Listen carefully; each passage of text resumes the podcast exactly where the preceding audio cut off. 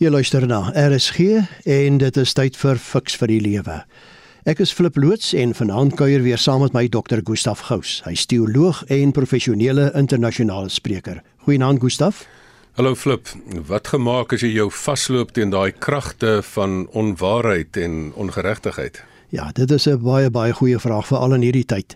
In in hierdie programreeks begelei Dr. Gustaf 'n paar RSG luisteraars rakende 'n probleem waarmee hy of sy worstel. En die begeleiding geskied nou oor die 13 weke wat ons uitsaai en aanstaande Sondag kry ons weer terugvoer van diegene wat hy begelei. Nou hierdie program gee nie aan jou as luisteraar voorskrifte van presies hoe om te lewe nie, maar wel riglyne wat binne jy self keuses kan maak. En as jy stem ook nie noodwendig saam met die opinie van enige persoon wat aan die program deelneem nie. Mense sê ek sien daar is korrupsie by die werk. My man of vrou verneek my. Iemand pers 'n ander af. Mense gebruik vuil taal in die openbaar. Sommiges verkleineer my voor ander. Wat moet ek doen as sulke verkeerde dinge om my en met my gebeur? Moet ek maar daaroor stil bly of moet ek met iemand praat en indien wel met wie? Hoe maak ek reg wat verkeerd is of kan dit nie? In fiks vir die lewe gesels ons vanaand hieroor. Gustaf, hoekom kan dinge in die lewe nie maar net glad en goed verloop nie? Waarom is daar tussen deur die verkeerde en die lelike? Dit is 'n teologiese en 'n filosofiese vraag wat mense al deur die eeue besig gehou het.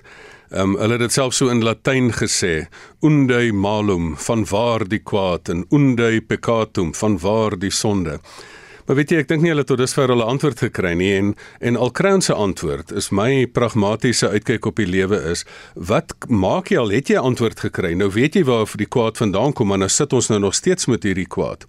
Miskien is die maklikste om dit pragmaties te antwoord en sê, weet jy, dis hoe dit is dit is soos die bedeling waarin ons is en miskien was die teoloog Oscar Koelman het hy die naaste gekom aan 'n goeie antwoord wat hy gesê het van ons leef tussen die reeds en die nog nie.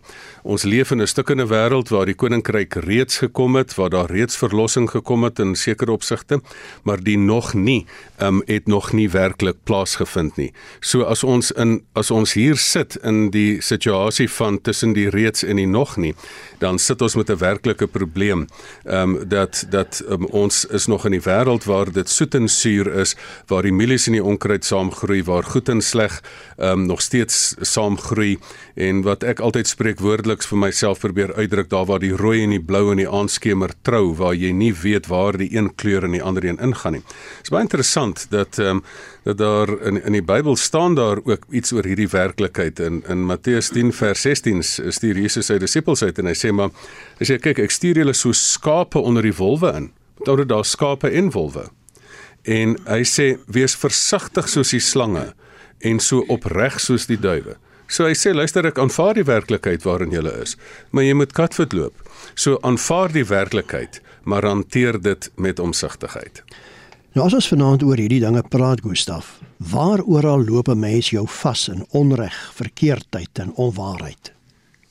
Ek het, op sosiale media het ek bietjie gevra oor waar loop mense dit raak en daar was verskeie antwoorde gewees in en die een plek waar mense dit raakloop is in die besigheidswêreld. Ek bedoel hier sit jy en jy wil net jou besigheid doen en daar loop jy jou vas in die sogenaamde bouersmafia of jy wil 'n vervoer besigheid hê en daar's die vervoer mafia of jy kom in 'n kantoor en jy kom daar's magsmisbruik of selfs iemand het hulle hande in die in die in die kontantkas en wat moet jy nou doen? Of um, organisasies wat mense doelbewus bevoordeel wat hulle posisies misbruik om om poste te kry of um, in in die wetenskap. Jy wil net jou wetenskap doen maar omdat jy 'n ongewilde standpunt het word jou stem stil gemaak soos van die beste wetenskaplikes in die wêreld um, selfs al um, um, selfs al onlangs beleef het.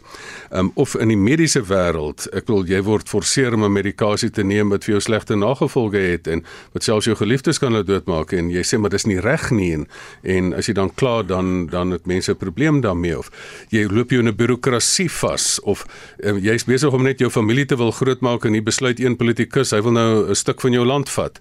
Um, of hy wil die land vat en hy sê maar gee vir my jou kind sodat ek jou kind kanonvoer kan maak om jou om jou te laat um, om om my oorlog vir my te gaan beklei Ehm um, en ehm um, so is daar verskriklike baie sulke plekke. In politiek is dit miskien is die grootste een wat mense oor kla is dat dat politici is gekies om 'n magsposisie om mense te dien. Dit hulle praat mos van dit is die, dit is dat jy 'n uh, uh, die publieke in publieke diens is.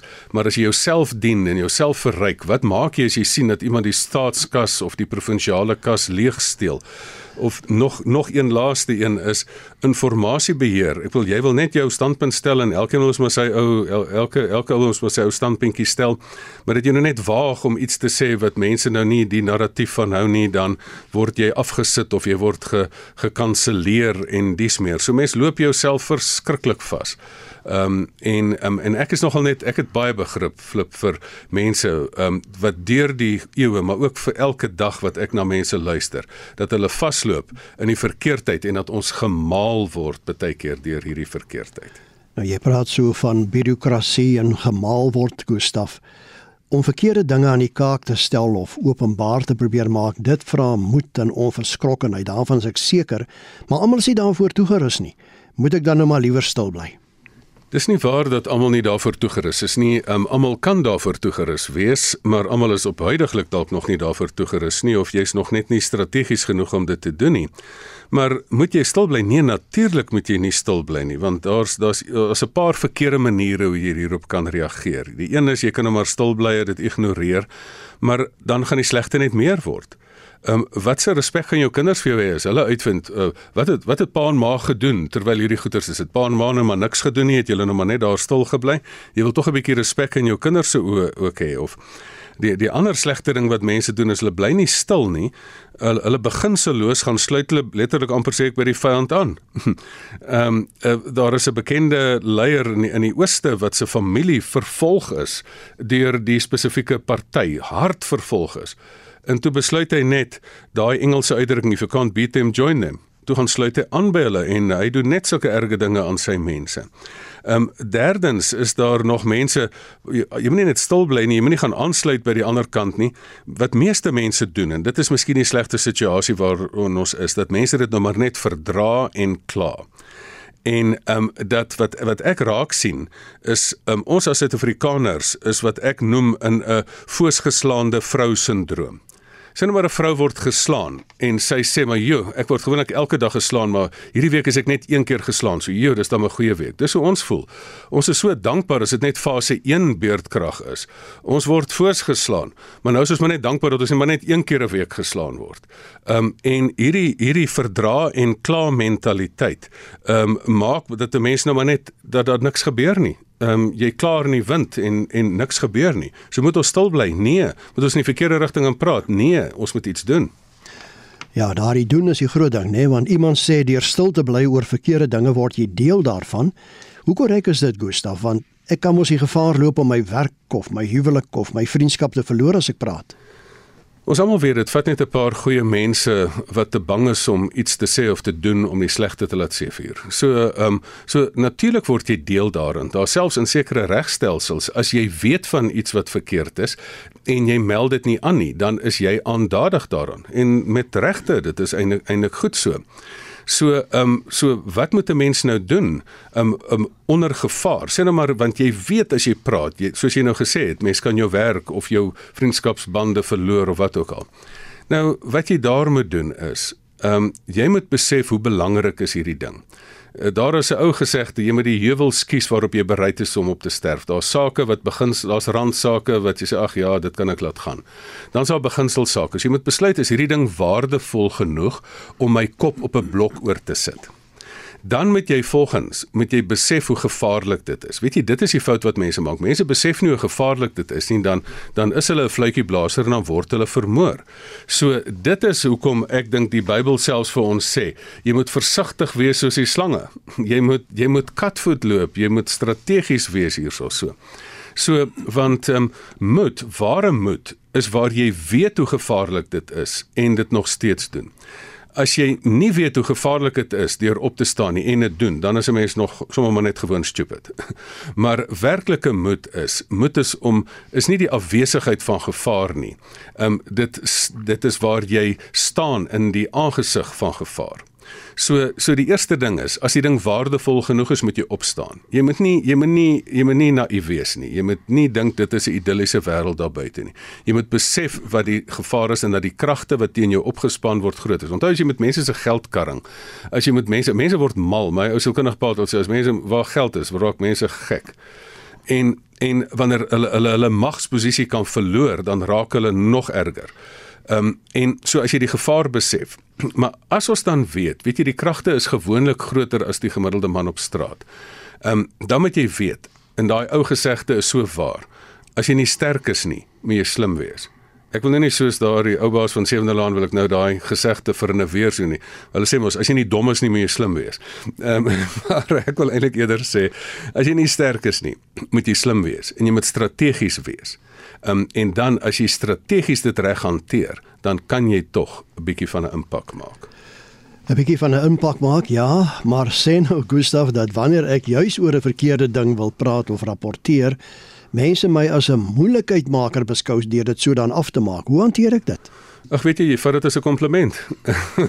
Want um, dit is maar 'n kort antwoord. Um, en en wat ek nou sê, wil ek nie carte blanche gee vir moetswillige moeilikheidmakers nie. Ek kry mos altyd maar mense wat oor alles kla in die lewe. Dis nie waar dit gaan nie.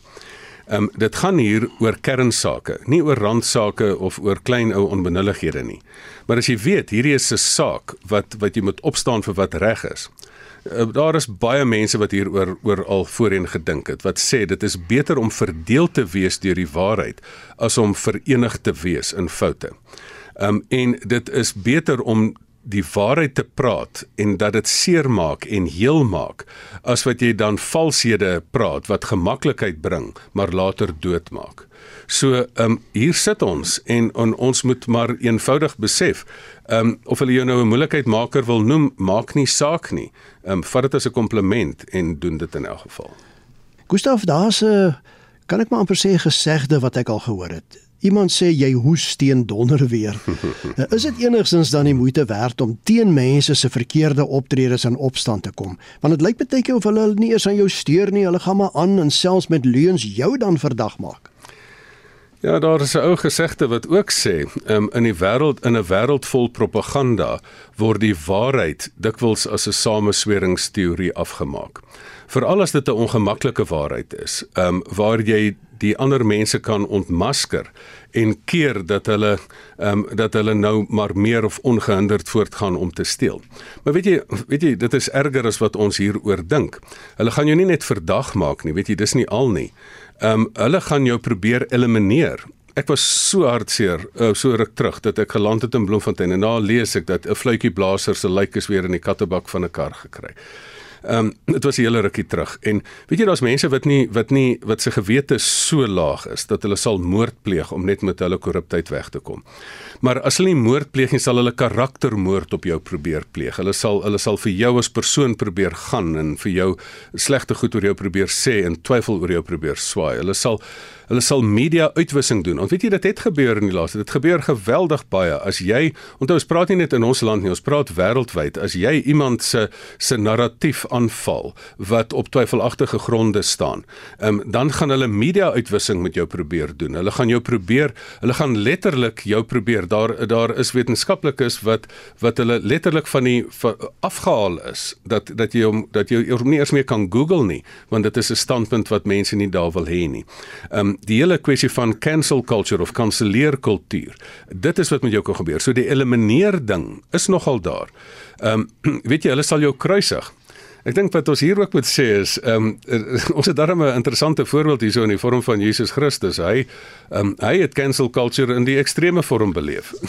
in die sin van hy het 'n baie ongewilde standpunt daar gestel. Hy het uit uit uit die mense, die mense in mag het hy genoem julle ander geslag en hy het 'n paar het 'n paar harde woorde gesê en toe sê hulle nou maar ons wil jou probeer elimineer. Ons wil jou kruisig, ons wil jou dood hê. Dit is vir ons makliker om in ons standpunt te bly as om na jou te luister.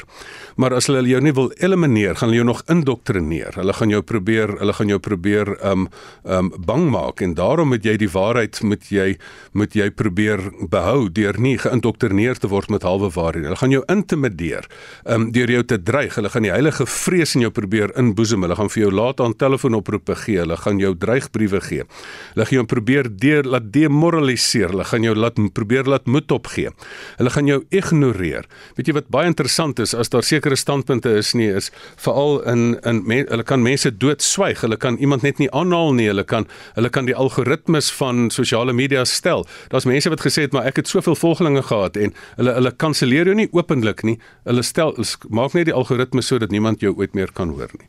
Ehm um, en dan kan hulle jou besmeer, so elimineer, indoktrineer, intimideer, demoraliseer, ignoreer, besmeer. So dit is 'n ehm um, dit is dit is regtig 'n 'n 'n absolute harde groot klomp arsenaal van wapens wat op 'n mens losgelaat word.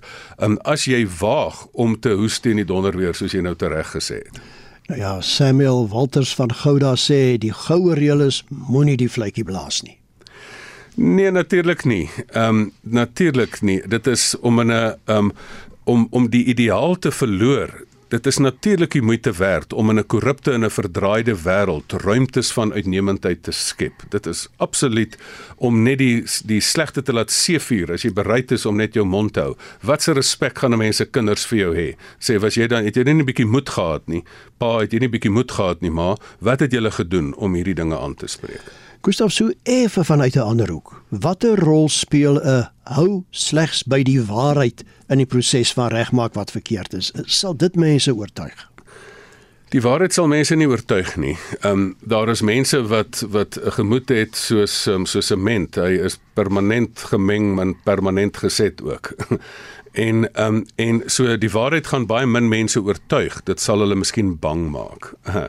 Ehm um, so as as mense eers hulle hulle hulle standpunt gestel het of hulle self in 'n in 'n in 'n begunstigde posisie gekry het deur die slegte, dan gaan geen waarheid hulle daarvan oortuig nie. Hulle wil net die voordeel geniet wat hulle wil hê.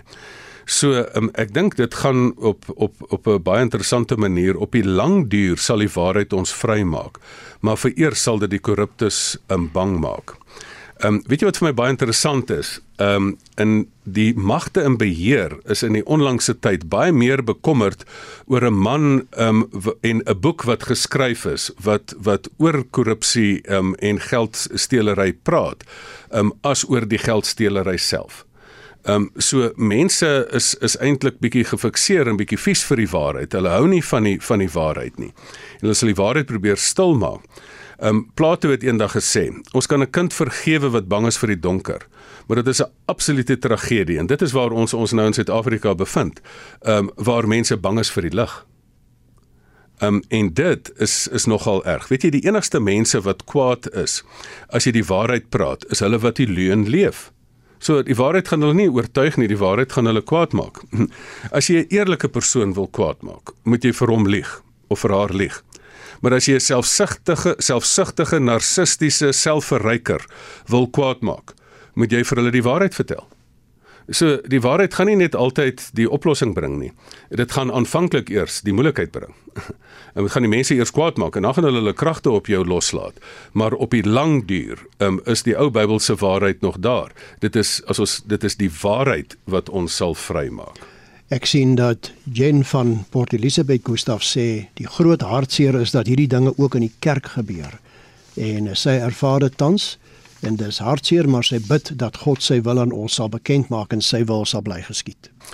Dis interessant. Ek het daardie ene in die lys gen nog nie eers in die lys genoem van waar die ehm um, waar mense jou baie keer vasloop nie. In in die in die in die geskiedenis was dit baie keer inter, interessant dat ehm um, die een persoon sê veral in die teologiese wêreld of die kerklike wêreld sê hulle mos maar so sê die Here. Dan sê alder maar luister ek lees ook die Bybel en wat jy sê die Here sê is nie waar nie. So daar moet nou 'n gesprek wees. Ehm um, en dit is wat byvoorbeeld ehm um, gebeur het um, met die hele kwessie van die hervorming jare terug. Ehm um, die die hervorming was 'n suksesstorie van ehm um, soos die naam van die onlangse boek Speaking Truth to Power.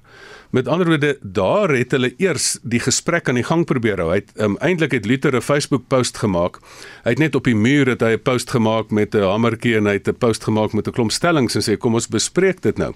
En daar het die kragte nou nogal bietjie op hom losgedraai. Ehm um, of Copernicus en Giordano Bruno en Galilei ehm um, het ehm um, het gesê, maar luister, die hulle het gewaag om te sê die ehm um, aarde draai om die son, waar die aanvaarde waarheid toe was, die son draai om die aarde. En daar draai die mense op hulle en sê luister, as jy dit terugtrek hier, dan maak as jou dood. En klassiek omdat hulle besef het, Bruno het op die brandstapel gesterf. Maar die ander twee het gesê, ag, weet jy wat, of ek dit nou terugtrek of die aarde om die son draai, ehm um, of nie, hy draai nog steeds om die son.